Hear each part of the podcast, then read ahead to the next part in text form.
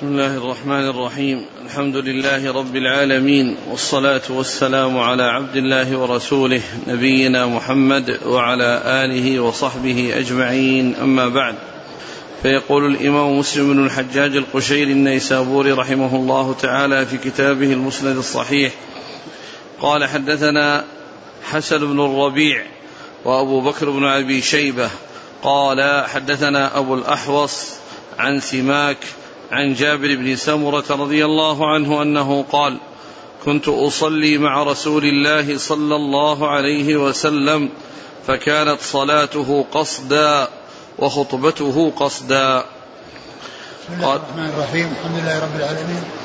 وصلى الله وسلم وبارك على عبده ورسوله نبينا محمد وعلى آله وأصحابه أجمعين. أما بعد فهذه أحاديث عديدة تتعلق بالخطبة وبيان مقدارها ونسبتها إلى الصلاة وكذلك فيما يتعلق بما تشتمل عليه وبقراءة القرآن فيها وغير ذلك من الأحكام المتعلقة بخطبتي الجمعة. وأرد حديث عبد الرحمن عبد الرحمن بن سمرة رضي الله تعالى عنه أن النبي صلى الله عليه وسلم كانت خطبته يوم الجمعة قصدا وصلاته قصدا. يعني أنها معتدلة.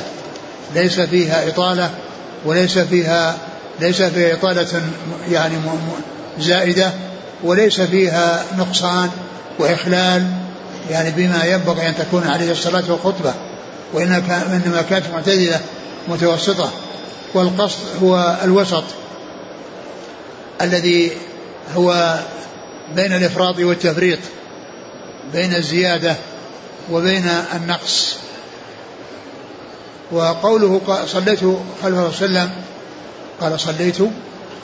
نعم كنت أصلي مع رسول الله صلى الله عليه وسلم فكانت صلاته قصدا وخطبته قصدا. كنت أصلي مع النبي صلى الله عليه وسلم وكان خطبته قصدا وصلاته قصدا. قوله كنت أصلي مع النبي يعني أنه كان ممن يحضر الصلاة مع الرسول عليه الصلاة والسلام الجمعة وغير الجمعة. وقد مر في حديث حديث أنه قال وقد صليت خلف الرسول أكثر من ألف صلاة. أكثر من ألف صلاة. يعني في الجمعة وغير الجمعة. والمقصود أن هذا الكلام الذي قاله آه إنما آه عرفه يعني بكثرة الصلاة مع الرسول صلى الله عليه وسلم وحضور الصلاة معه. يعني في الجمعة وغير الجمعة. نعم.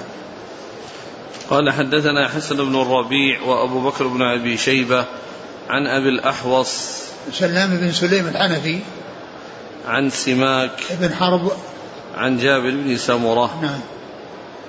قال وحدثنا أبو بكر بن أبي شيبة وابن نمير قال حدثنا محمد بن بشر قال حدثنا زكريا قال حدثني سماك بن حرب عن جابر بن سمرة رضي الله عنه أنه قال كنت أصلي مع النبي صلى الله عليه وآله وسلم الصلوات فكانت صلاته قصدا وخطبته قصدا.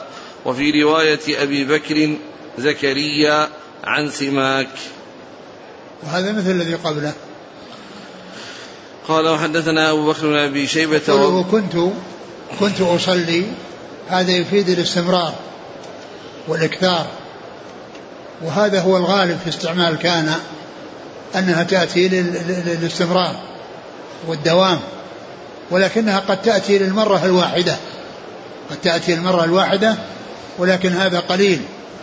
ومنه الحديث الذي قالت فيه عائشة رضي الله عنها كنت أطيب رسول الله صلى الله عليه وسلم لإحرامه قبل أن يحرم ولحله قبل أن يطوف البيت.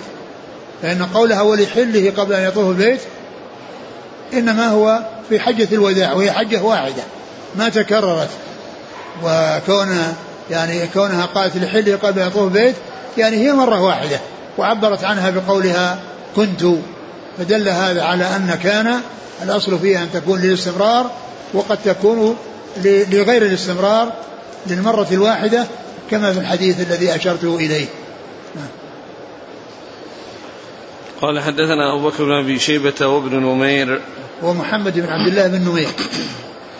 عن محمد بن بشر عن زكريا. بن أبي زائدة. عن سماك بن حرب عن جابر. نعم. وفي رواية أبي بكر زكريا عن سماك. يعني هنا قال عن زكريا عن سماك يعني من عبر بعن. وهناك قال حدثني سماك. حدثني سماك نعم.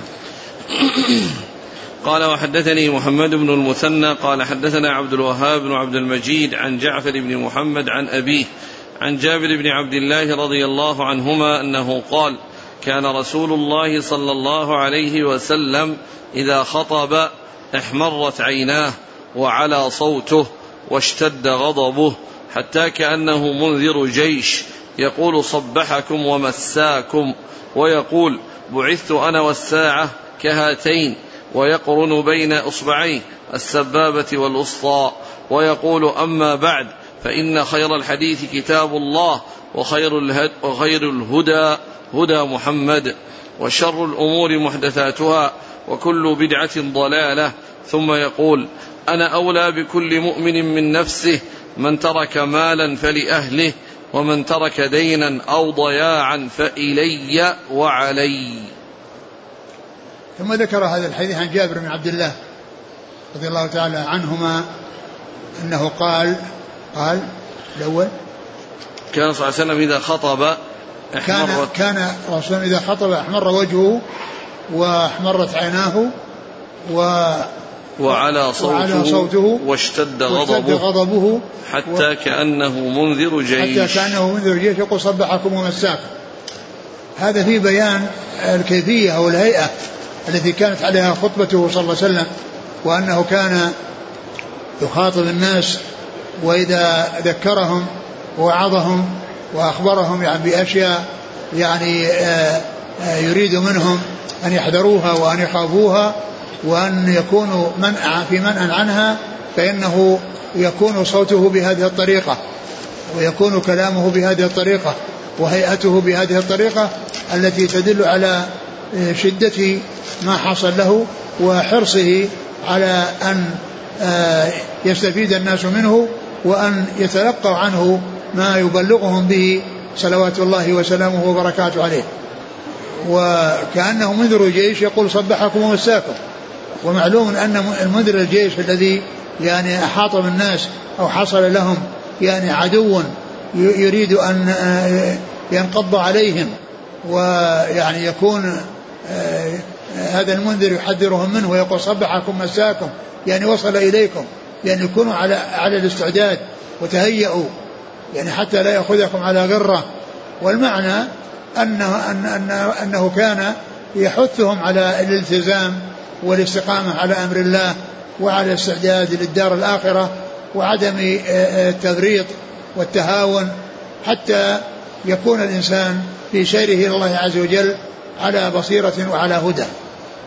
ويقول ويقول بعثت أنا والساعة كهاتين. ويقول بعثت أنا والساعة كهاتين وأشار إلى السبابة والتي تليها الوسطى ومعنى ذلك أنه فرق بينهما وأن بينهما تقارب. يعني بين بعثته صلى الله عليه وسلم وقيام الساعة شيء قريب. يعني إن, أن المدة بين بعثته وبين قيام الساعة أنها مدة قريبة وأشار إلى يعني السبابة والوسطى وفرق بينهما وأن وأن الرسول عليه الصلاة والسلام ليس بعده نبي وأن رسالته آخر رسالات وأنه هو الذي بعث بين يدي الساعة. صلوات الله وسلامه وبركاته عليه. ويقول أما بعد فإن خير الحديث كتاب الله. ويقول أما بعد وهذه الجملة يؤتى بها بعد يعني بعد الحمد والثناء والذكر وبين آه، الدخول في مقصود الخطبة والشيء الذي يراد به يعني يريد أن يبينه. والمعنى أما بعد حمد الله وكذا وكذا أقول كذا وكذا. أما بعد حمد الله والثناء عليه أقول كذا وكذا. هذا هو المقصود من كلمة أما بعد. يعني أن هذا الحمد والثناء يأتي بعده توجيه وإرشاد ونصح ودلالة على الخير فتكون أما بعد هي التي تفصل بين الحمد والثناء وبين التوجيه والإرشاد. أما بعد. فإن خير الحديث كتاب الله. فإن خير الحديث كتاب الله. هو خير حديث وأعظم حديث. ولهذا قال في آخر سورة المرسلات فبأي حديث بعده يؤمنون؟ فبأي حديث بعده يؤمنون؟ فكتاب الله عز وجل هو خير الحديث وهديه خير الهدي. وقد جاءت يعني هدي وهدى. يعني هدى محمد يعني خير الهدى وخير الهدي هدي محمد صلى الله عليه وسلم. نعم. فإن, فإن خير الحديث كتاب الله وخير الهدى هدى محمد وشر الأمور محدثاتها. وشر الأمور محدثاتها لأنه لما ذكر الحق والهدى وأنه في الكتاب والسنة وما جاء به الرسول عليه الصلاة والسلام من الكتاب والسنة بعد ذلك أخبر بأن شر الأمور محدثاتها يعني والمحدثات هي التي لم تكن على وفق الكتاب والسنة. يعني ما لم يكن له أساس يعني موافق لما جاء في الكتاب والسنة. هذا هو هذه المحدثات. يعني المحدثات التي ما أنزل الله بها من سلطان. ولهذا قال عليه الصلاة والسلام من أحدث في أمرنا ما ليس منه فهو رد. من أحدث في أمرنا ما ليس منه فهو رد. يعني فالمحدثات في الدين هي التي يؤتى بها وليس لها أساس في الدين فإنها مما حذر عنه الرسول صلى الله عليه وسلم. ولهذا الرسول عليه الصلاة والسلام في حديث أن حديث يعني الصحابي الذي قال العرباض بن ساري قال خطبنا رسول الله صلى الله عليه وسلم موعظة وجدت من القلوب وذرفت من العيون. قلنا يا رسول الله كأنها موعظة مودع فأوصنا قال أوصيكم بتقوى الله والسمع والطاعة وإن تأمر عليكم عبد فإنه من يعش منكم فسيرى اختلافا كثيرا. فعليكم بسنتي وسنة الخلفاء الراشدين المهديين من بعدي تمسكوا بها وعضوا عليها من نواجد وإياكم ومحدثات الأمور. وإياكم ومحدثات الأمور. فرغب في السنن بقوله عليكم وحذر من المحدثات بقوله وإياكم ومحدثات الأمور. إيش قال؟ وشر الأمور محدثاتها وكل بدعة ضلالة. وكل بدعة ضلالة. كل بدعة ضلالة. يعني كل بدعة في الدين يعني ليست مما يعني جاء عن الله وعن رسوله عليه الصلاة والسلام فهي ضلالة. وهذا لفظ عام.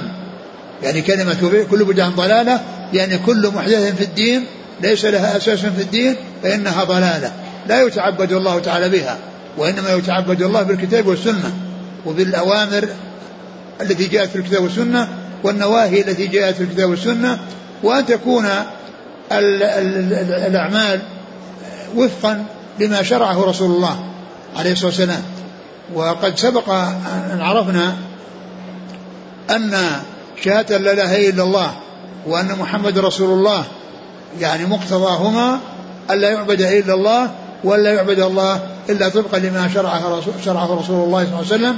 وأن معنى شهادة أن محمد رسول الله يدخل تحتها طاعته في كل ما به أمر والانتهاء عن كل ما نهى عنه وزجر وأن يصدق بما بكل خبر عنه وأن لا يعبد الله إلا طبقا لما شرع. ولا يعبد الله إلا طبقا لما شرع. يعني لا يعبد بالبدع والمحدثات. وإذا فقوله فكل بدعة ضلالة هذا من العام. الباقي على عمومه. الباقي على عمومه. وليس في الإسلام بدعة بدعة حسنة. وإنما الرسول صلى الله عليه وسلم قال كل بدعة سيئة. وبعض أهل العلم قال إن البدع أنها تدخل تحت الأقسام الخمسة.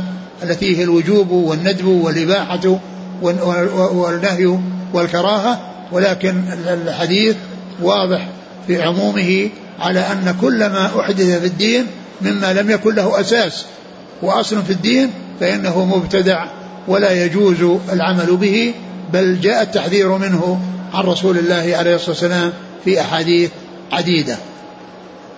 نعم.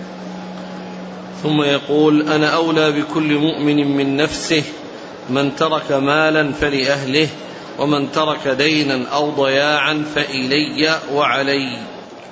قال أنا أولى بكل مسلم من نفسه يعني أنا أولى به من نفسه ومعنى ذلك أن الرسول عليه الصلاة والسلام يجب توقيره وتعظيمه ومحبته محبة تفوق محبة النفس ومحبة الوالد والولد والناس أجمعين.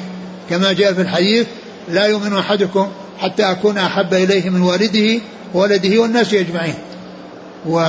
وحتى أيضا من, من نفس الإنسان لأن كما جاء في حديث عمر قال إنك أحب إلي من كل شيء إلا من نفسي قال بل حتى أكون من نفسك قال فأنت أحب إلي من نفسي. فإذا الرسول صلى الله عليه وسلم أولى بالمؤمنين من أنفسهم ومحبته وتعظيمه وتوقيره يجب أن يكون مقدما على غيره وأن تكون محبته آه، يعني آه، متقدمة على محبة النفس ومحبة الوالد والولد والناس أجمعين لأن النعمة التي ساقها الله على يديه نعمة الإسلام أعظم نعمة وأجل نعمة لا يساويها نعمة ولا يماثلها نعمة. ولهذا كان كان محبته أعظم محبة الوالدين اللذان كانا سببا في وجود الإنسان لأن الوالدين كان سبب في وجوده وأما ما جاء به الرسول سبب في هدايته وكونه يكون من أهل الجنة ويسلم من أن يكون من أهل النار. آه، من ترك دينا فعلي. قال أنا أنا أولى بكل مؤمن من نفسه من ترك مالا فلأهله. من ترك مالا فلأهله. يعني من ترك مالا فلأهله يعني لورثته يعني أهله الذين يرثونه. فإذا كان الميت مات وترك مالا فإنه يكون لورثته. وإن, وإن ترك وإن, وإن كان ترك ضياعا. ومن ترك دينا أو ضياعا فإلي وعلي. ومن ترك دينا أو ضياعا فإلي وعلي. فعلي وإلي. يعني دينا يعني يكون عليه دين. أو ضياعا يعني له أولاد. يعني لا يوجد من ينفق عليهم وليس له مال. يعني ينفق عليهم وليس لهم ميراث. يعني من والدهم. يعني ينفق عليهم منه. فعلي يعني علي قضاؤه وأي الدين وإلي يعني رعايتهم. يعني هؤلاء الأولاد اللي هم ضياع يعني يعني آه، يحسن إليهم وينفق عليهم ويرعاهم. وهذا كان في أول الأمر عليه الصلاة والسلام إذا جاءه أحد سأل هل عليه دين فإن كان عليه دين يعني في بعض المرات في بعض الأحوال قال صلوا على صاحبكم. صلوا على صاحبكم. يريد من ذلك ألا يتهاون الناس في أمر الدين وأن تخلف الرسول صلى الله عليه وسلم يفوت على من لم يصلي عليه مصلحة عظيمة. الصلاة تشرع في حقه ولا ترك الصلاة. ولهذا قال صلوا على صاحبكم يعني هو يتخلف عن الصلاة. يعني زجرا للناس أن يتهاونوا في أمر الديون. يتهاونوا في أمر الديون. وبعد ذلك لما فتح الله عليه الفتوحات ما كان يعني يسأل وإنما إذا كان يعني أحد عليه دين أو ترك أولادا يعني بحاجة إلى الإنفاق عليهم فإن ذلك يكون منه صلى الله عليه وسلم من الفيء والغنائم التي كانت تحصل بسبب الجهاد في سبيل الله نعم. وقد قيل يعني أن هذا حكم خاص به وقيل أن هذا حكم لا يخصه وإنما يكون لولاة الأمر من بعده وأنهم يعني إذا كان يعني إنسان عليه دين يعني أنهم يقضون دينه وكذلك يعني إذا لم يكن متلاعبا أو متهاونا أو متهورا في مساله الديون وإنما استدان لنفسه بمباح. وكذلك الأولاد الذين هم بحاجة إلى النفقة فإنه ينفق عليهم من بيت المال. نعم. قال وحدثني محمد بن المثنى. هو أبو موسى العنزي الزمن. عن عبد الوهاب بن عبد المجيد. الثقفي. عن جعفر بن محمد. وهو الصادق. عن أبيه وهو محمد بن علي بن حسين جعفر بن الباقر. عن جابر بن عبد الله. نعم. قال وحدثنا عبد بن حميد. قال حدثنا خالد بن مخلد. قال حدثني سليمان بن بلال.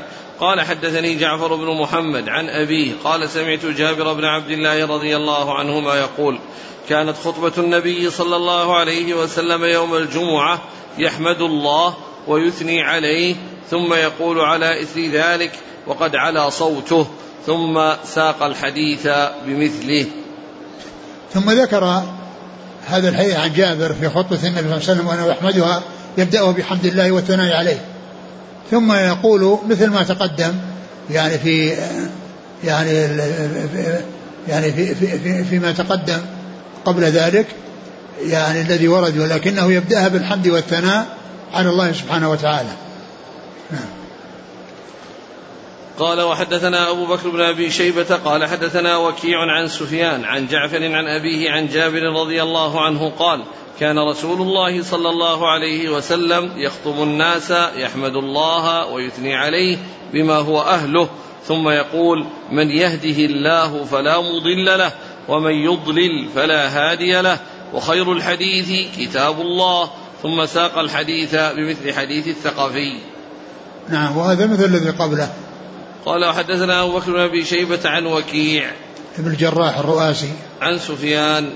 هو الثوري إذا جاء وكيع يروي عن سفيان غير منسوب فالمراد به الثوري. نعم. عن جعفر عن أبيه عن جابر. نعم. قال وحدثنا إسحاق بن إبراهيم ومحمد بن المثنى كلاهما عن عبد الأعلى. قال ابن المثنى حدثني عبد الأعلى وهو أبو همام.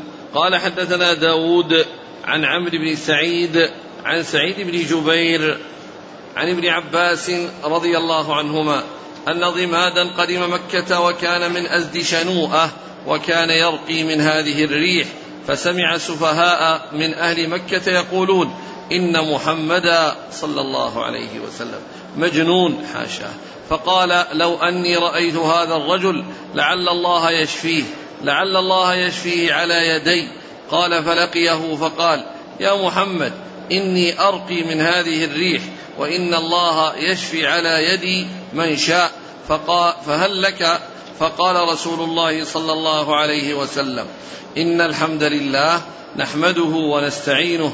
من يهدي الله فلا مضل له ومن يضلل فلا هادي له وأشهد أن لا إله إلا الله وحده لا شريك له وأن محمدا عبده ورسوله. أما بعد قال فقال أعد علي كلماتك هؤلاء. فاعادهن عليه رسول الله صلى الله عليه وسلم ثلاث مرات. قال فقال لقد سمعت قول الكهنة وقول السحرة وقول الشعراء. فما سمعت مثلك مثلك فما سمعت مثل كلماتك هؤلاء. ولقد بلغنا ناعوس البحر. قال فقال هات يدك أبايعك على الإسلام. قال فبايعه. فقال رسول الله صلى الله عليه وسلم وعلى قومك؟ قال وعلى قومي. قال فبعث رسول الله صلى الله عليه وسلم سرية فمروا بقومه. فقال صاحب السرية للجيش هل أصبتم من هؤلاء شيئا؟ فقال رجل من القوم. أصبت منهم مطهرة فقال ردوها فإن هؤلاء قوم ضماد. ثم ذكر هذا الحديث عن ضماد رضي الله عنه وهو من أزد شنوءة وقد جاء إلى النبي عليه جاء إلى قد جاء قال قدم, قدم مكة. قدم إلى مكة وقال له بعض السفهاء من أهل مكة إن يعني محمدا آه، يعني يقول كذا وكذا أو وأنه مجنون ف وكان يرقي يعني من من من, من هذا من هذا الداء الذي هو الجنون يعني وقال الريح وفي بعض الأرواح الأرواح يعني معناه المقصود به الجنون.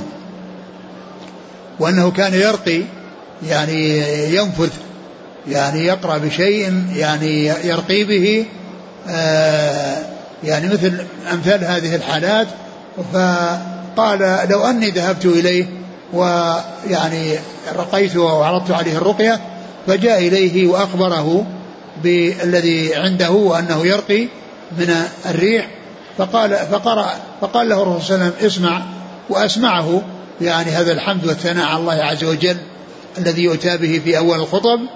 فلما سمع هذا الكلام قال أعد إلي كلامك أو أعد علي كلامك فأعاده إليه وكرره. فقال إيش؟ قال لقد سمعت قول السحرة والكهنة نعم لقد سمعت لقد سمعت قول السحرة والكهنة والشعراء وإن كلامك هذا يختلف عن كلامهم. ثم قال مد يدك ولقد بلغنا. ولقد, ولقد بلغ بلغنا هذه الكلمات ناموس هنا ناعوس. داع داعوس؟ لا ناعوس. بالنون؟ نون وعين. إيه ناعوس. وقيل أن الناعوس المقصود به القاموس. والمقصود به وسط البحر ولجة البحر أو وسط البحر. يعني أن هذه الكلمات يعني ذهبت إلى البر والبحر وأنها بلغت يعني قاموس البحر أو ناعوس البحر. يعني الناعوس قيل المراد به القاموس الذي هو وسط البحر أو لجة البحر. ثم قال امدد يدك وبايعك فعلى الإسلام فبايعه. قال وعن قومك وقال وعن قومه عد الحديث أن ضماد قدم مكة وكان من أزد شنوءة. نعم. وكان يرقي من هذه الريح. فسمع سفهاء من, من الريح اللي هو الجنون. نعم. ولهذا يقولون إنها يعني أرواح وأنهم يعني يعني يعني يرون الناس ولا يرونهم اللي هم الجن. نعم. فسمع سفهاء من أهل مكة يقولون إن محمدا مجنون. فقال لو أني رأيت هذا الرجل لعل الله يشفيه على يدي. قال فلقيه فقال يا محمد إني أرقي من هذه الريح وإن الله يشفي على يدي. على يدي من شاء فهل لك؟ فقال رسول الله صلى الله عليه وسلم إن الحمد لله نحمده ونستعينه من يهدي الله فلا مضل له ومن يضلل فلا هادي له وأشهد أن لا إله إلا الله وحده لا شريك له وأشهد أن محمدا عبده ورسوله. أما بعد قال فقال أعد علي كلماتك هؤلاء فأعادهن عليه رسول الله صلى الله عليه وسلم ثلاث مرات قال فقال لقد سمعت قول الكهنة وقول السحره وقول الشعراء فما سمعت مثل كلماتك هؤلاء؟ ولقد بلغنا ناعوس البحر. قال فقال هات يدك أبايعك على الإسلام. قال فبايعه فقال صلى الله عليه وسلم. وعلى قومك؟ قال وعلى قومي. قال فبعث صلى الله عليه وسلم سرية فمروا بقومه. فقال صاحب السرية للجيش هل أصبتم من هؤلاء شيئا؟ فقال رجل من القوم أصبت منهم مطهرة فقال ردوها فإن هؤلاء قوم ضماد. ذكر هذه القصة التي حصلت من ضماد رضي الله عنه وأنه لما سمع كلام الرسول صلى الله عليه وسلم هذا الذي يؤتى به في أول الخطب وهذا هو محل الشاهد من إيراد الحديث يعني فيما يتعلق بخطبة الجمعة وأن هذه الكلمات ومثل هذه العبارات هي التي يؤتى بها في مطلع خطبة الجمعة وهي حمد الله والثناء عليه سبحانه وتعالى بما هو بما هو أهله. ثم إن يعني آه، آه، ضمادا لما تلا عليه يعني آه، سمع منه هذا الكلام والحمد لله على الله عز وجل قال امدد يدك وبايعك ثم إنه بايعه قال وعلى قومك وعلى قومه. ثم إن الرسول صلى الله عليه وسلم أرسل سرية فمروا ب مروا بأناس؟ قال فمروا بقومه. مروا بقومه قوم ضماد قال فقال صاحب السرية للجيش. هل إيه، أصبت؟ صاحب السرية رئيس الجيش. يعني هو المسؤول عن السرية. والسرية هي القطعة التي تؤخذ من الجيش وتقتطع من الجيش وتذهب في مهمة يعني خاصة هذه قالها سرية. ف نعم. هل أصبتم من منهم؟ هل أصبتم هل من هؤلاء منهم؟ شيئا؟ هل أصبتم يعني أخذتم منهم؟ أو حصل منكم أخذ شيء منهم؟ قال قال رجل, رجل من القوم. مطهرة. يعني مطهرة يعني هذه من الأشياء التي الأواني يعني آنية من الأواني التي يتطهر بها. فقال ردوها فإنه كان من فإن هؤلاء قوم وضماد نعم. نعم. قال حدثنا إسحاق بن إبراهيم ومحمد بن المثنى عن عبد الأعلى. ابن عبد الأعلى. قال حدثنا داود ابن أبي هند. عن عمرو بن سعيد. القرشي البصري. عن سعيد بن جبير عن ابن عباس عن ضماد. نعم. يقول السائل هل يستحب عند دعوة الكفار والعصاة البدء, البدء بخطبة الحاجة أخذا من هذا الحديث؟ يعني عندما يتكلم الإنسان عندما يتكلم الإنسان في في نصح وتوجيه لا شك أنه يعني يأتي بحمد الله والثناء عليه بما هو أهله. نعم. قال حدثني سريج بن يونس قال حدثنا عبد الرحمن بن عبد الملك بن أبجر عن أبيه عن واصل بن حيان قال قال أبو وائل خطبنا عمار رضي الله عنه فأوجز وأبلغ فلما نزل قلنا يا أبا اليقظان لقد أبلغت وأوجزت فلو كنت تنفست فقال إني سمعت رسول الله صلى الله عليه وسلم يقول إن طول صلاة الرجل وقصر خطبته مئنة من فقهه. فأطيلوا الصلاة وأقصروا الخطبة وإن من البيان سحرا.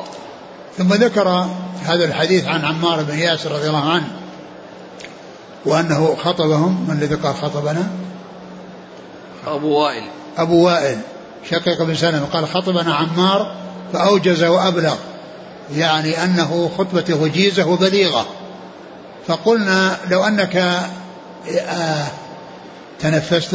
تنفست نعم. لو, لو كنت تنفست. لو كنت تنفست يعني زدت فيها زيادة. تنفست يعني حصل منك زيادة فيها. لأنها بليغة وجميلة ويحبون أن تكون أكثر من هذا. يعني هم وصفوها بأنها موجزة وبأنها بليغة. يعني مع وجازتها بليغة فاستحبوا أنه يزيد فيها. وأن لا يقتصر على هذا الكلام. لأنه كلام أعجبهم فأحبوا أن يحصلوا منه زيادة. وهذا معنى تنفس يعني أنك تجاوز زدت فيها يعني شيئا يعني من أجل أنهم يعني تزداد أو يحصلون آه، زيادة في الفائدة. فقال إنه سمع الرسول يقول إن قصر خطبة الرجل وطول صلاته مئنة من فقهه فاقصر الخطبة وأطيل الصلاة. ومئنة يعني علامة تدل على فقهه. يعني كونه يقصر الخطبة ويطيل الصلاة علامة تدل على فقهه. والمقصود الطول المناسب يعني ليس معناه أنه يصير طول يعني هذا تقصير وهذا طول وإنما يكون بينهما تناسب ولكن الخطبة تكون بالنسبة إلى الصلاة يعني أقل. لكن مع الإيجاز ولهذا هو نفذ يعني هذه الوصية من رسول الله صلى الله عليه وسلم فخطب وأوجز وأبلغ. نعم.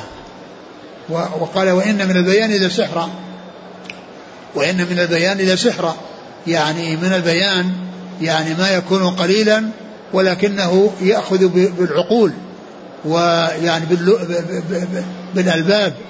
يعني ف يعني آه، تميل إليه النفوس و يعني آه، تفقهه النفوس. وإن من البيان لسحرا يعني هذا المقصود به المدح وليس المقصود به آه، الذم.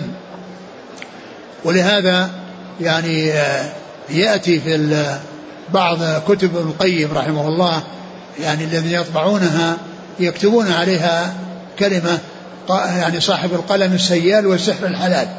صاحب القلم السيال والسحر الحلال. نعم. قال حدثني سريج بن يونس عن عبد الرحمن بن عبد الملك بن أبجر عن أبيه عن واصل بن حيان عن أبي وائل وائل شقيق بن سلمة. عن وهو, وهو من المخضرمين الذين أدركوا الجاهلية والإسلام ولم يلقوا النبي صلى الله عليه وسلم. عن عمار. عمار بن ياسر رضي الله عنه. قال حدثنا أبو بكر بن شيبة ومحمد بن عبد الله بن نمير قال حدثنا وكيع عن سفيان عن عبد العزيز بن الرفيع عن تميم بن طرفة عن عدي بن حاتم أن رجلا خطب عند النبي صلى الله عليه وآله وسلم فقال من يطع الله ورسوله فقد رشد ومن يعصهما فقد غوى فقال رسول الله صلى الله عليه وسلم بئس الخطيب أنت قل ومن يعص الله ورسوله قال ابن نمير فقد غوي. ثم ذكر هذا الحديث عن عدي بن حاتم رضي الله عنه عن رجل خطب أن رجلا خطب عند النبي صلى الله عليه وسلم. فقال من يطع الله ورسوله فقد رشد ومن يعصيهما فقد غوى. قال بئس الخطيب أنت؟ قل فمن يعصي الله ومن يعصي الله ورسوله. وقالوا والمعنى في ذلك أن الخطب يعني يراد بها التوضيح والبيان ولا يناسب فيها يعني ذكر يعني الضمائر أو توحيد الضمائر وإن كان آه، الضمائر جاءت في آه، في بعض الأحاديث مثل آه، أن يكون الله ورسوله أحب إليهم ما سواهما فإن هذا فيما يتعلق بالتعليم وبيان المسائل العلمية وأما ذاك في الخطبة والخطبة قالوا يعني المقصود فيها التوضيح والبيان وعدم يعني الاتيان بالضمائر. ولهذا قل قال قل ومن يعص الله ورسوله فقد غوى. أحد شيوخه قال فقد غوى والشيخ الثاني قال فقد غوي. الشيخ الأول من هو؟ أبو بكر بن أبي شيبة ومحمد عبد الله بن نمير. لأنه ساقه على رواية أبو بكر بن أبي شيبة. ساقه على رواية أبي بكر ابن أبي شيبة. فقد غوى وأخبر بأن شيخه الثاني هو بلفظ يختلف وهو قوله بدل غوى غويا. نعم. ثم إن هذه الخطبة ليست خطبة جمعة لأن الرسول صلى الله عليه وسلم هو الذي كان يخطب الجمعة. فقد قيل إن هذه لعلها في وفود أو بعض الوفود الذين يفدون على النبي صلى الله عليه وسلم وأن هذا خطب يعني فيهم وأتى بهذه العبارة. نعم. قال حدثنا أبو بكر بن أبي شيبة ومحمد بن عبد الله بن نمير عن وكيع عن سفيان عن عبد العزيز بن رفيع عن تميم طرفة عن عدي بن حاتم نعم. قال حدثنا قتيبة بن سعيد وأبو بكر بن أبي شيبة وإسحاق الحنظلي جميعا عن ابن عيينة قال قتيبة حدثنا سفيان عن عمرو أنه سمع طاء يخبر عن صفوان بن يعلى عن أبيه رضي الله عنه أنه سمع النبي صلى الله عليه وسلم يقرأ على المنبر ونادوا يا مالك. ثم ذكر يعني في هذا الحديث أن الخطبة الجمعة يعني يقرأ فيها شيء من القرآن. وذكر هذا الحديث عن عن يعلى بن أمية رضي الله عنه أنه سمع النبي صلى الله عليه وسلم يقرأ في الخطبة ونادوا يا مالك. يقطع عن ربك يعني هذه الآية التي في سورة الزخرف. ف يعني ففيه يعني قراءة شيء من القرآن. أو يدل على قراءة شيء من القرآن في خطبة الجمعة. نعم. الآن تقرأ لكن بترتيل وتلحين. الذي ينبغي الذي ينبغي أن الإنسان عندما عندما يخطب ثم تأتي آية يستدل بها يعني إذا كان على سبيل الاستدلال لا يؤتى بها يعني بالقراءة مثل ما يفعل بعض الناس. تجده يتكلم ثم يتحول إلى قارئ. يعني يقرأ الآية وبعض آية يعني فيتغير صوته وقراءته. يعني ما يأتي ما يؤتى به للاستدلال لا يؤتى به على سبيل القراءة. وأن الإنسان يقرأ ويجود. وإنما إذا كان قرأ آيات يعني أو قرأ مثل سورة قاف كما سيأتي في بعض الأحاديث فإنها تجود. لكن عندما يأتي مثلا آية يعني للاستدلال بها على شيء فإنها لا يأتي بها مجودة وإنما يأتي بها يعني آه قراءة يعني آه التي يؤتى بها على وجه الاستدلال لا على سبيل التلاوة. بعض الناس تجي يتحدث ويتكلم ثم يتحول إلى قارئ. يعني بعض آية. نعم. قال حدثنا قتيبة بن سعيد وأبو بكر بن أبي شيبة وإسحاق الحنظلي. إسحاق بن راهوية. نعم. عن ابن عيينة عن عمرو. عمرو بن دينار. عن عطاء. بن أبي رباح. عن صفوان بن يعلى عن أبيه. نعم. قال وحدثني عبد الله بن عبد الرحمن الدارمي. قال أخبرنا يحيى بن حسان. قال حدثنا سليمان بن بلال. عن يحيى بن سعيد عن عمرة بنت عبد الرحمن عن أخت لعمرة قالت أخذت قاف والقرآن المجيد من في رسول الله صلى الله عليه وسلم يوم الجمعة وهو يقرأ بها على المنبر في كل جمعة. قال وحدثنيه أبو الطاهر. قال أخبرنا ابن وهب عن يحيى بن أيوب وعن يحيى بن سعيد عن عمرة عن أخت لعمرة بنت عبد الرحمن كانت أكبر منها. بمثل حديث سليمان بن بلال.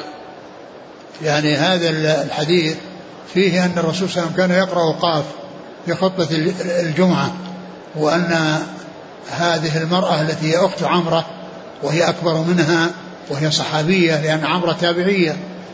كثيرة الرواية عن عائشة وأما هذه أختها وهي صحابية وتخبر عن أختها أنها أخذت قاف من في رسول الله صلى الله عليه وسلم وهي يخطب بها على المنبر في كل جمعة.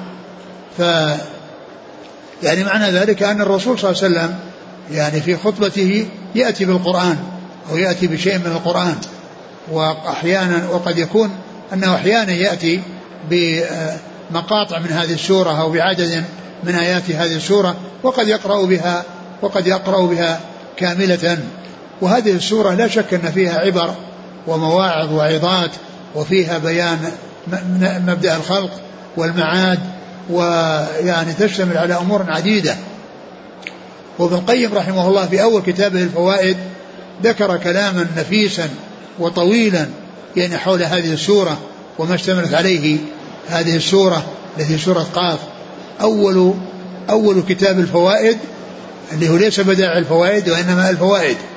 يعني أوله كل يتعلق بسورة قاف وبيان ما اشتملت عليه. يعني وكلامه يعني واسع ونفيس وكثير ومن أحسن يعني ما جاء فيما يتعلق بموضوع هذه السورة وبما اشتملت عليه هذه السورة. يعني فكان عليه السلام يعني يأتي بها لما اشتملت عليه من التوحيد والمعاد وما يحصل يعني في الدار الآخرة. نعم. قال وحدثني عبد الله بن عبد الرحمن الدارمي. نعم. هو صاحب المسند. نعم هو. هو صاحب المسند. عن يحيى بن حسان عن سليمان بن بلال عن يحيى بن سعيد. الأنصاري. عن عمرة بنت عبد الرحمن عن أخت لعمرة. نعم. هي أم هشام بنت الحارث. لا لا غيرها. لا غيرها. هذه مثل هذه عمرة يعني هي عمرة بنت عبد الرحمن بن سعد بن زرارة. وأما تلك أم هشام بنت الحارث بن حارثة بن النعمان. هذه غير هذه. يعني وهذه مجهولة يعني ما سميت ولكن ما دام منها صحابية يعني أخت عمرة قال أخت لها أكبر منها. وعمرة هي بنت عبد الرحمن بن سعد بن ابن زرارة. يقول الشيخ محمد علي آدم أخت عمرة هي أم هشام بنت حارثة بن النعمان بن نفع بن زيد بن عبيد بن ثعلبة بن غن بن مالك بن النجار الأنصارية صحابية وهي أخت عمرة بنت عبد الرحمن لأمها. نعم. يمكن إذا كان أن المقصود عموما من جهة من جهة الأم فهذا يعني له وجه. نعم. هذا الذي نص عليه النووي. ها؟ هذا اللي نص عليه النووي كذلك. نص عليه النووي؟ نعم. إيش قال؟ آه، قال النووي هذا ص... آه، ولا لا ذكر هناك. ها؟ لا عندما لا ذكر شيئا عن عدم تسميتها. يعني هنا في هذا الموضوع؟ لا تكلم أنها لا يعني قال وهذا صحيح يحتج به ولا يضر عدم تسميتها. أي نعم. يعني هذا يفيد يعني كأنها يعني يعني الله أعلم أنها غيرها. لأنها أختها إذا كانت من النسب أما إذا كانت من الام فيتجه. وهذا إذا تحقق أو صار محقق أنها أختها لأمها فيستقيم. لكن كلام النووي يفيد بأنها يعني غيرها. قال وحدثنيه أبو الطاهر عن ابن وهب عن, عن نعم عن ابن وهب عبد الله عبد الله بن وهب عن يحيى بن أيوب عن يحيى بن سعيد عن عمرو عن أخت لعمرو بنت عبد الرحمن كانت أكبر منها. نعم. قال حدثني محمد بن بشار قال حدثنا محمد بن جعفر قال حدثنا شعبة عن خبيب عن عبد الله بن محمد بن معن عن بنت لحارثة بن النعمان قالت ما حفظت قاف إلا من في رسول الله صلى الله عليه وسلم يخطب بها كل جمعة. قالت وكان تنورنا وتنور رسول الله صلى الله عليه وسلم واحدا. يعني أنهم متقاربون وأنهم يعني التنور الذي يخبزون فيه ويخبز فيه الرسول يعني كان واحدا. نعم.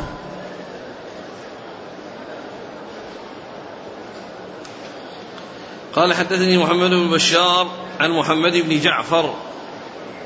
نعم. عن شعبة عن خبيب. خبيب بن عبد الرحمن بن خبيب عن عبد الله بن محمد بن معن عن بنت لحارثة بن النعمان. نعم في أم هشام الإسناد الثاني. الحافظ بن حجر نص على أنها أم هشام في المبهمات. أيوه. قال عمرو بنت عبد الرحمن عن أختها هي أم هشام بنت حارثة بن النعمان صحابية. في آخر التقريب. إيه قال من أمها من الأم؟ لا ما نص لكن ها؟ في المبهمات. إيه لما لكن قال عمرة بنت عبد الرحمن عن أخت لها. إيه بس الكلام على أنها تستقيم إذا كانت أخت لأمها. وأما بنت عبد الرحمن عمرة بنت عبد الرحمن ليست من, هذا النسب لها. وإنما هي عمرة بنت عبد الرحمن ابن سعد بن زرارة. وهذه بنت حارثة بن النعمان يعني يستقيم إن كانت في يعني أخوة من من الأم.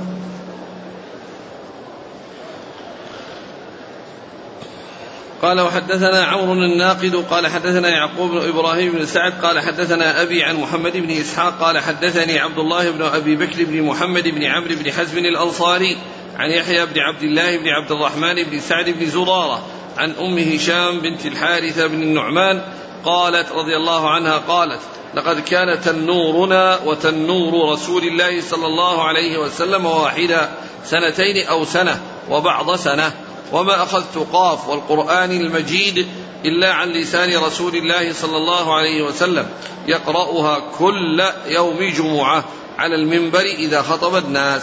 نعم. قال حدثنا عمرو الناقد عن يعقوب بن إبراهيم بن سعد عن أبيه. نعم. عن محمد بن إسحاق عن عبد الله بن أبي بكر بن محمد بن عمرو بن حزم عن يحيى بن عبد الله بن عبد الرحمن بن سعد بن زرارة عن أم هشام. يعني الآن ال- الأسانيد الروايات تذكر كلمة كل. كل. كل نعم. يعني هذا يفيد لأن أحيانا يقرأها كلها وأحيانا يقرأ بعضها.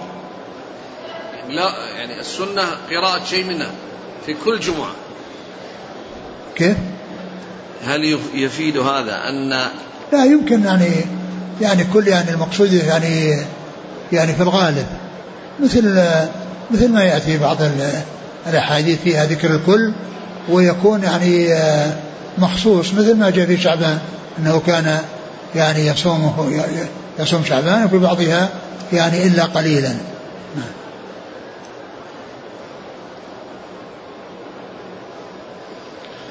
قال وحدثنا أبو بكر بن أبي شيبة قال حدثنا عبد الله بن إدريس عن حسين عن عمارة بن رؤيبة قال رأى بشر بن مروان على المنبر رافعا يديه فقال قبح الله هاتين اليدين لقد رأيت رسول الله صلى الله عليه وسلم ما يزيد على أن يقول بيده هكذا وأشار بإصبعه المسبحة. ثم ذكر هذا الحديث آه، الذي يتعلق بخطبة الجمعة وأنها لا ترفع الأيدي في خطبة الجمعة. لا ترفع الأيدي بخطبة الجمعة لأن الرسول صلى الله عليه وسلم ما كان يحصل منه ذلك وإنما كان يشير بإصبعه. وألا يشير بإصبعه عند التشهد إذا قال أشهد لا إله إلا الله يشير بإصبعه عليه الصلاة والسلام. أما كونه يرفع يديه يدعو يعني فهذا لم يثبت عنه عليه الصلاة والسلام. ولهذا لا ترفع الأيدي في خطبة الجمعة إلا في الاستسقاء. إذا استسقى في خطبة الجمعة يرفع. في حال استسقائه. وأما الدعاء في غير الاستسقاء فلا يرفع يديه. يعني آه، إذا وجد الاستسقاء في خطبة الجمعة يرفع عند الاستسقاء وعند الدعاء بالاستسقاء فقط. وأما فيما يتعلق بالأدعية الأخرى فإنها لا ترفع فيها الأيدي. ولهذا أنكر يعني مالك بن رؤيبة على بشر بن مروان كونه يرفع يديه. نعم. قال حدثنا هنا قال رأى بشر بن مر... عمارة بن رؤيبة رأى بشر بن مروان على المنبر رافعا يديه. يعني يدعو هكذا. نعم. وقال قبح الله هاتين اليدين. يعني معنى أنكر هذا وأن هذا عمل منكر وأنه مخالف للسنة وهذا من المواضع التي لا ترفع فيها الأيدي. لخطبة الجمعة وكذلك بعد الصلاة. بعد الصلاة المفروضة ما ترفع الأيدي لأن الرسول صلى الله عليه وسلم هو الذي يصلي بالناس إماما في جميع الأوقات وما أثر عنه أنه مرة رفع يديه يعني يدعو يعني بعد الفريضة. فهذا من المواضع التي لا ترفع فيها الأيدي يعني بعد الفريضة وفي خطبة الجمعة إلا في الاستسقاء إذا استسقى فيها.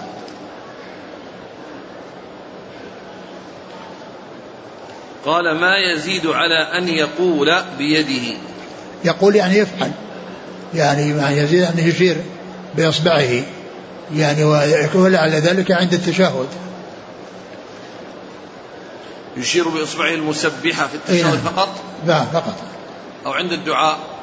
أو عند الدعاء يمكن. عند الدعاء يمكن. حتى لأن في بنفس التشهد يعني يحركها يدعو بها. قال حدثنا أبو بكر بن أبي شيبة عن عبد الله بن إدريس عن حسين. حسين بن عبد الرحمن. عن عمارة بن رؤيبة. نعم. قال وحدثناه قتيبة بن سعيد. قال حدثنا أبو عوانة. الوضاح بن عبد الله عن حسين. عن لا زلنا. عن حسين بن عبد الرحمن قال رأيت بشر بن مروان يوم الجمعة يرفع يديه. فقال عمارة بن رؤيبة فذكر نحوه. نعم. قال حدثناه قتيبة بن سعيد عن أبي عوانة. الوضاح بن عبد الله اليشكري. عن حسين بن عبد الرحمن عن بش... عن عمارة بن رؤيبة. نعم. يسأل الأخ يقول بالنسبة للمأمومين هذا الآن الحديث بالنسبة للخطيب. وكذلك المأمومون لا يرفعون أيديهم. المأمون لا يرفعون أيديهم والإمام لا يرفع يديه. هذا يقول إذا رفع الخطيب إصبعه. هل يرفع المأمومون أصابعهم؟ يعني كونهم يعني يعني عند يعني هو هو يدعو أما هم لا يدعون وإنما يؤمنون فقط فلا يرفعون فلا يفعلون ذلك. قال رحمه الله تعالى وحدثنا أبو الربيع الزهراني وقتيبة بن سعيد قال حدثنا حماد وهو ابن زيد عن عمرو بن دينار عن جابر بن عبد الله رضي الله عنهما قال بين النبي صلى الله عليه وسلم يخطب يوم الجمعة إذ جاء رجل فقال له النبي صلى الله عليه وسلم أصليت يا فلان؟ قال لا. قال قم فاركع. قال حدثنا أبو بكر بن أبي شيبة ويعقوب الدورقي عن ابن علية عن أيوب عن عمرو عن جابر رضي الله عنه عن النبي صلى الله عليه وسلم كما قال حماد ولم يذكر الركعتين. قال وحدثنا قتيبة بن سعيد وإسحاق بن إبراهيم. قال قتيبة حدثنا وقال إسحاق أخبرنا سفيان عن عمرو أنه سمع جابر بن عبد الله رضي الله عنهما يقول دخل رجل المسجد ورسول الله صلى الله عليه وسلم يخطب يوم الجمعة فقال أصليت؟ قال لا. قال قم فصل الركعتين. وفي رواية قتيبة قال صل ركعتين. قال وحدثني محمد بن رافع وعبد بن حميد. قال ابن رافع حدثنا عبد الرزاق. قال أخبرنا ابن جريج قال أخبرني عمرو بن دينار أنه سمع جابر بن عبد الله رضي الله عنهما يقول جاء رجل والنبي صلى الله عليه وسلم على المنبر يوم الجمعة يخطب فقال له أركعت ركعتين؟ قال لا.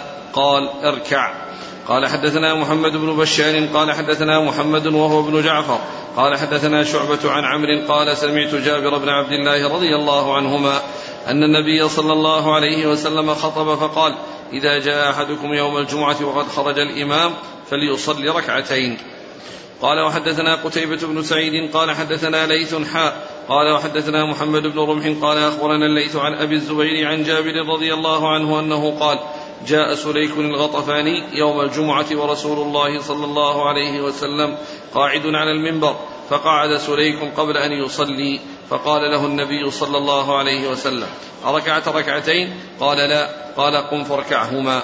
قال وحدثنا إسحاق بن إبراهيم وعلي بن خشرم كلاهما عن عيسى بن يونس قال ابن خشرم أخبرنا عيسى عن الأعمش عن أبي سفيان عن جابر بن عبد الله قال جاء سليك الغطفاني يوم الجمعة ورسول الله صلى الله عليه وسلم يخطب فجلس فقال له يا سليك قم فاركع ركعتين وتجوز فيهما. ثم قال إذا جاء أحدكم يوم الجمعة والإمام يخطب فليركع ركعتين وليتجوز فيهما. ثم ذكر هذه الأحاديث المتعلقة بتحية المسجد عندما يدخل والخطيب يخطب فإنه يصلي يعني ركعتين. يعني ولا يزيد عليهما. بل ويتجوز فيهما يعني يخففهما. وذلك من أجل أنه يدرك ما أمكنه من الخطبة. وهذا بخلاف ما جاء في الحديث حديث أبي قتادة المشهور إذا دخل أحد مسجد فيجلس حتى يصل ركعتين هذا لا مفهوم له من حيث الزيادة. نعم لا مفهوم له مفهوم من حيث النقص لأن ما في تطوع إلا بركعتين أقل شيء. لكن في حديث أبي قتادة ليس له مفهوم أنه ما يزيد وإنما هذا هو الحد الأدنى. يعني إن أراد أن يصلي أربع يصلي أربع أو ست يصلي ست. ركعتين ركعتين ركعتين. المهم لا يجلس إلا وقد صلى ركعتين حديث أبي قتادة. وأما هذا الحديث لا يزيد على ركعتين. فإن ذكر ركعتين له مفهوم. يعني من ناحية أنه ما يتشاغل عن الخطبة بركعات وصلوات وإنما يأتي ركعتين فقط بل ويتجوز فيهما ويخففهما. قال وهذا يعني ذكر يعني حديث عامة أن من دخل المسجد يصلي ركعتين وفي بعضها أن رجلا يقال له سليك الغطفاني يعني جاء وقعد وقال أصليت ركعتين قال لا قال قم فصلي ركعتين وثم قال إذا إذا دخل أحد المسجد فليصلي ركعتين وليتجوز فيهما. يعني أن هذا الحكم لا يخصه ولهذا لما أرشده ذكر كلاما عام يشمله ويشمل غيره وأنه ليست القضية مثل ما قاله بعض أهل العلم أنه يعني كان فقيرا وأنه أراد أنه يقوم حتى الناس يرونه فيصدقون عليه.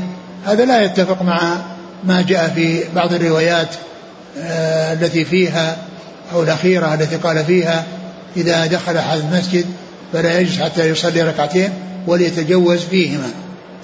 حاصل أن يعني أنه من من المشروع أو يشرع للإنسان إذا دخل والخطبة قائمة وموجودة والخطيب على المنبر فإنه لا يجلس حتى حتى يصلي ركعتين. نعم. قال وحدثنا أبو الربيع الزهراني. هو سليمان بن داود. وقتيبة بن سعيد عن حماد هو بن زيد عن عمرو بن دينار عن جابر بن عبد الله. نعم. قال حدثنا أبو بكر بن شيبة ويعقوب الدورقي. نعم. عن ابن علية. هو إسماعيل بن إبراهيم بن علية. عن أيوب. بن أبي تميمة السختياني. عن عمرو بن دينار. عن جابر قال وحدثنا قتيبة بن سعيد وإسحاق بن إبراهيم عن سفيان عن, عن عمرو. وهو ابن عيينة. عن عمرو عن جابر قال وحدثني محمد بن رافع عبد الحميد عن عبد الرزاق بن همام. عن ابن جريج. عبد الملك بن عبد العزيز بن جريج. قال حدثنا محمد بن بشار عن محمد وهو بن جعفر عن شعبة عن عمرو عن جابر. قال وحدثنا قتيبة بن سعيد عن ليث. ليث بن سعد. قال حا وحدثنا محمد بن رمح عن ليث عن أبي الزبير. وهو محمد بن مسلم بن تدرس. عن جابر قال وحدثنا إسحاق بن إبراهيم وعلي بن خشرم نعم. كلاهما عن عيسى بن يونس عن الأعمش.